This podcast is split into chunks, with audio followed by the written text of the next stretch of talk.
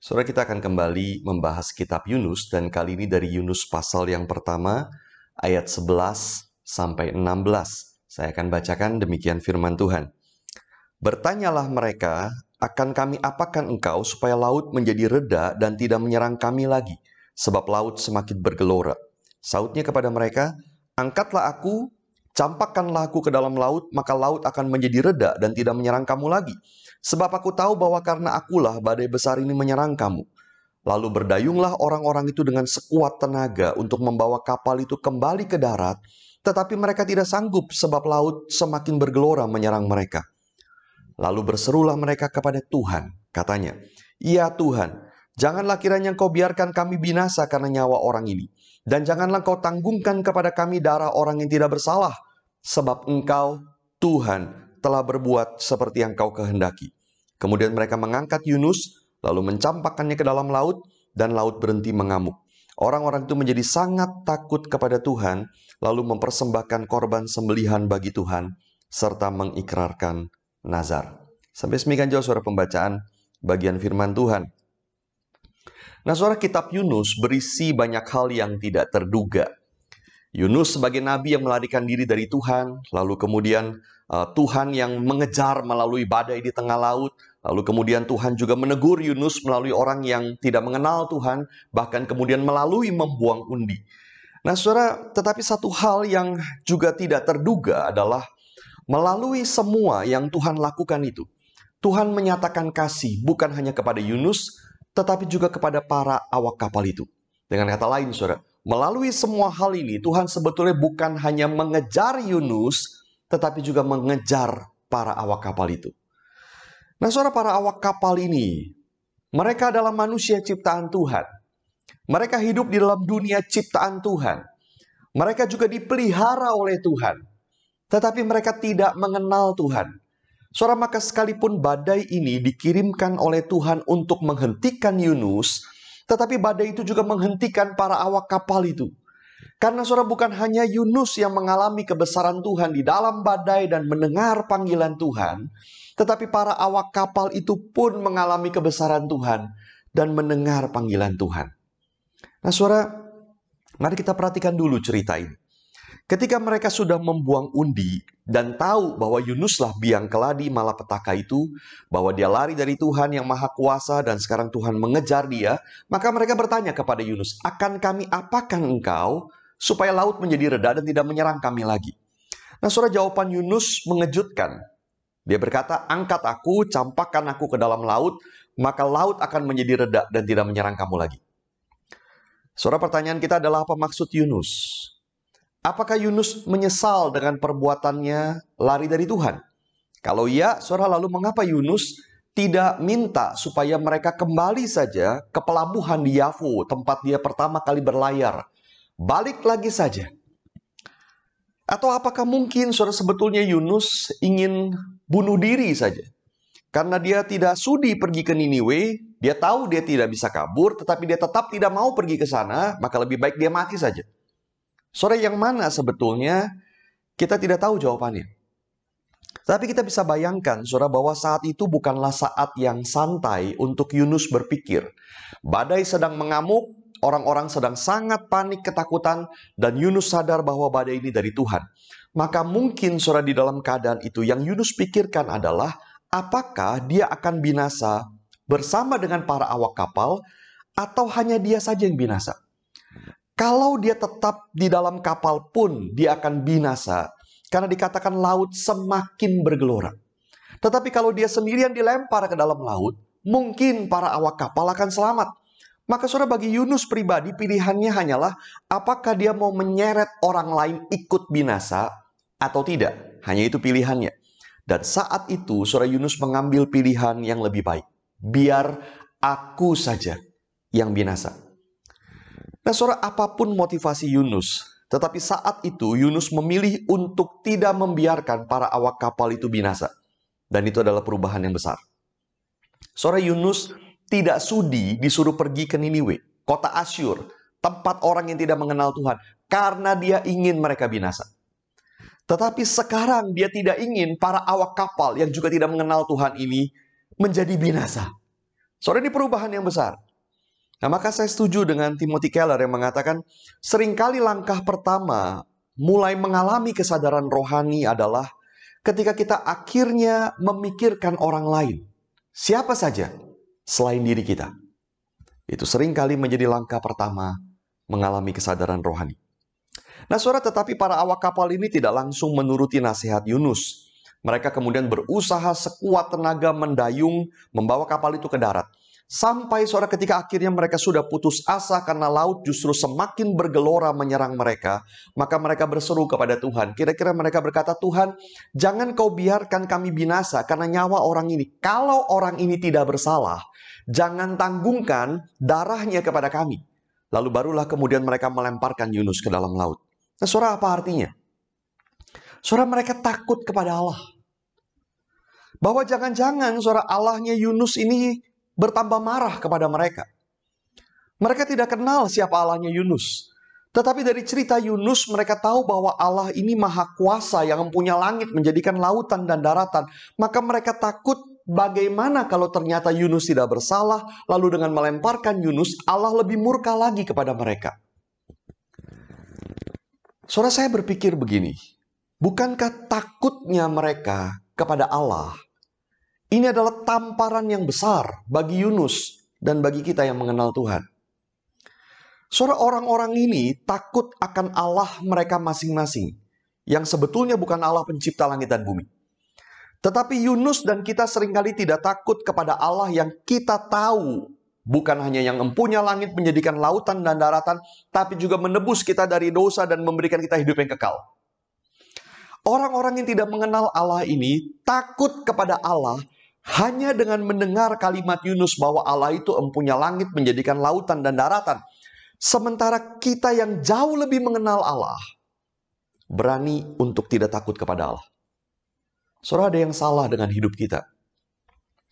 Nah kembali ke cerita ini, saudara setelah mereka melemparkan Yunus, laut pun berhenti mengamuk. Dengan kata lain, Allah menunjukkan beberapa hal kepada para awak kapal itu. Yang pertama, betul Yunuslah yang bersalah. Yang kedua, betul Allah Yahweh yang memberikan badai itu. Dan betul bahwa dialah yang empunya langit menjadikan lautan dan daratan seperti yang diceritakan Yunus kepada mereka. Karena dia sanggup menghadirkan badai yang besar di tengah laut, dia tidak bisa dihalangi oleh siapa pun untuk mencapai tujuannya. Bahkan para Allah mereka yang kepadanya mereka masing-masing berseru, tidak mampu menghentikan Allahnya Yunus ini. Dan yang ketiga, ternyata Allah itu mengasihi mereka. Badai itu berhenti dan itu berarti mereka selamat beroleh belas kasihan. Nah, suara reaksi dari para awak kapal ini adalah mereka menjadi sangat takut kepada Tuhan. Pertanyaannya, suara adalah, apakah para awak kapal ini bertobat? Suara sejujurnya, kita tidak tahu. Tidak ada indikasi yang jelas suara bahwa para awak kapal ini kemudian meninggalkan Allah mereka dan hanya menyembah Allah Yahweh satu-satunya. Tidak ada indikasi itu. Tetapi mereka menyebut Tuhan dengan nama Yahweh. Surah di ayat 9, Yunus sudah menyebut Tuhan dengan nama pribadinya, yaitu Yahweh. Di dalam Alkitab Bahasa Indonesia, ketika nama Yahweh muncul, maka dituliskan sebagai Tuhan dengan huruf besar semua. Yahweh, surah adalah nama personal Tuhan nama yang mengindikasikan hubungan antara Tuhan dengan umat yang diselamatkannya. Dan para awak kapal itu menyebut Tuhan dengan nama Yahweh. Mereka berdoa supaya Yahweh mengampuni mereka dengan melemparkan Yunus. Setelah badai itu tenang, suara mereka juga menjadi sangat takut kepada Yahweh. Dan ini takut yang berbeda dengan sebelumnya. Sebelumnya mereka takut karena badai, tapi sekarang mereka takut penuh hormat kepada Yahweh yang Maha Kuasa. Dan kemudian suara mereka mempersembahkan korban sembelihan serta mengikrarkan nasar. Sangat mungkin suara mereka tidak melakukan itu di laut, tetapi setelah sampai di darat. Artinya suara setelah semua bahaya itu lewat, mereka mengingat apa yang sudah Allah Yahweh lakukan. Betapa besarnya dia, betapa dahsyatnya dia Allah pencipta langit dan bumi. Maka mereka takut penuh hormat dan mempersembahkan korban lalu bernazar. Nah, walaupun saudara kita tidak tahu nazar apa yang mereka ucapkan, tapi sangat mungkin adalah janji untuk selalu hormat kepada Yahweh, Allah yang namanya mereka dengar dari Yunus. Nah, saudara, kedua hal ini mungkin menunjukkan awal dari iman yang benar. Nah, kita memang tidak tahu saudara apa yang terjadi setelah itu. Apakah para awak kapal ini kemudian punya kesempatan ke bait Allah atau mereka membaca kitab suci atau Allah menyatakan diri lagi kepada mereka, kita tidak tahu. Tetapi ini adalah masa di mana Yesus belum datang menjadi manusia. Maka iman yang benar adalah iman yang percaya sederhana kepada Allah Yahweh. Dan mereka mungkin mengalami itu. Tetapi saudara yang ingin saya soroti adalah bagaimanapun kisah ini menunjukkan anugerah Allah yang tidak terduga. Saudara bagi Yunus yang melarikan diri dari Tuhan, dia seperti mengalami hal yang tidak enak di tengah pelariannya. Ada badai yang mengancam nyawa, ada awak kapal yang mengkonfrontasi dia, ada buang undi yang kemudian menunjuk kepada dia dan memaksa dia berhadapan dengan kesalahannya. Tetapi sebetulnya semuanya adalah karena Allah ingin membawa Yunus kembali kepadanya. Dan itu adalah anugerah. Anugerah yang tidak terduga memang. Karena Yunus tidak menginginkan itu.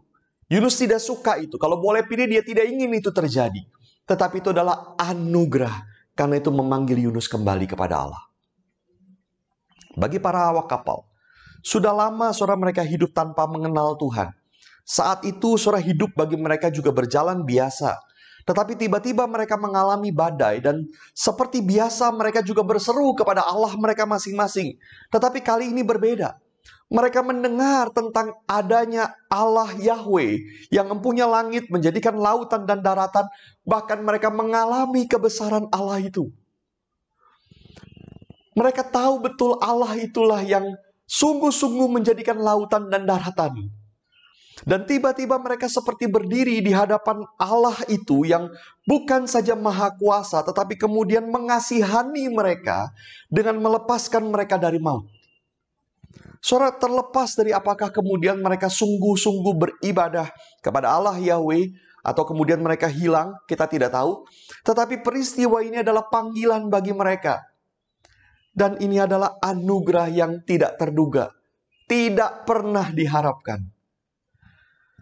Saudara anugerah Allah sering kali tidak terduga. Mari pikirkan saudara apakah kita juga mengalami anugerah Allah yang tidak terduga itu. Mungkin dulu, saudara, pada waktu kita percaya kepada Tuhan, dengan cara yang ajaib, mungkin berliku-liku kisahnya, mungkin lewat peristiwa yang menggoncangkan kita, atau apa pun itu, lalu kemudian kita percaya kepada Tuhan. Dan sekarang kalau kita melihat ke belakang, ke masa lalu, kita bisa berkata bahwa anugerah Allah sungguh tidak terduga dalam hidup kita. Tetapi mungkinkah sekarang ini atau baru-baru ini, kita juga mengalami anugerah Allah yang tidak terduga itu. Mungkin lewat peristiwa yang tidak enak, tapi itu cara Tuhan membentuk kita. Atau mungkin mendadak tidak terpikirkan Tuhan mendorong kita masuk ke dalam satu keadaan di mana kita harus bergantung total kepada Tuhan. Dan itu adalah anugerah. Bagi saudara yang belum pernah percaya kepada Tuhan, saya ingin berkata bahwa Tuhan bisa memanggilmu dengan banyak cara. Itu adalah anugerah Tuhan yang tidak pernah engkau duga. Dan kalau Tuhan memanggilmu, jangan keraskan hati. Datang kepadanya. Saudara bisa datang ke salah satu gereja yang baik dan minta bimbingan di sana. Oh anugerah Tuhan, sungguh tidak terduga bagimu dan bagi banyak orang.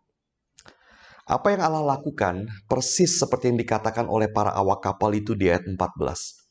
Engkau Tuhan telah berbuat seperti yang kau kehendaki. Dia Tuhan. Dia berbuat apa yang dia kehendaki. Tetapi dia Tuhan yang beranugerah. Mari kita berdoa.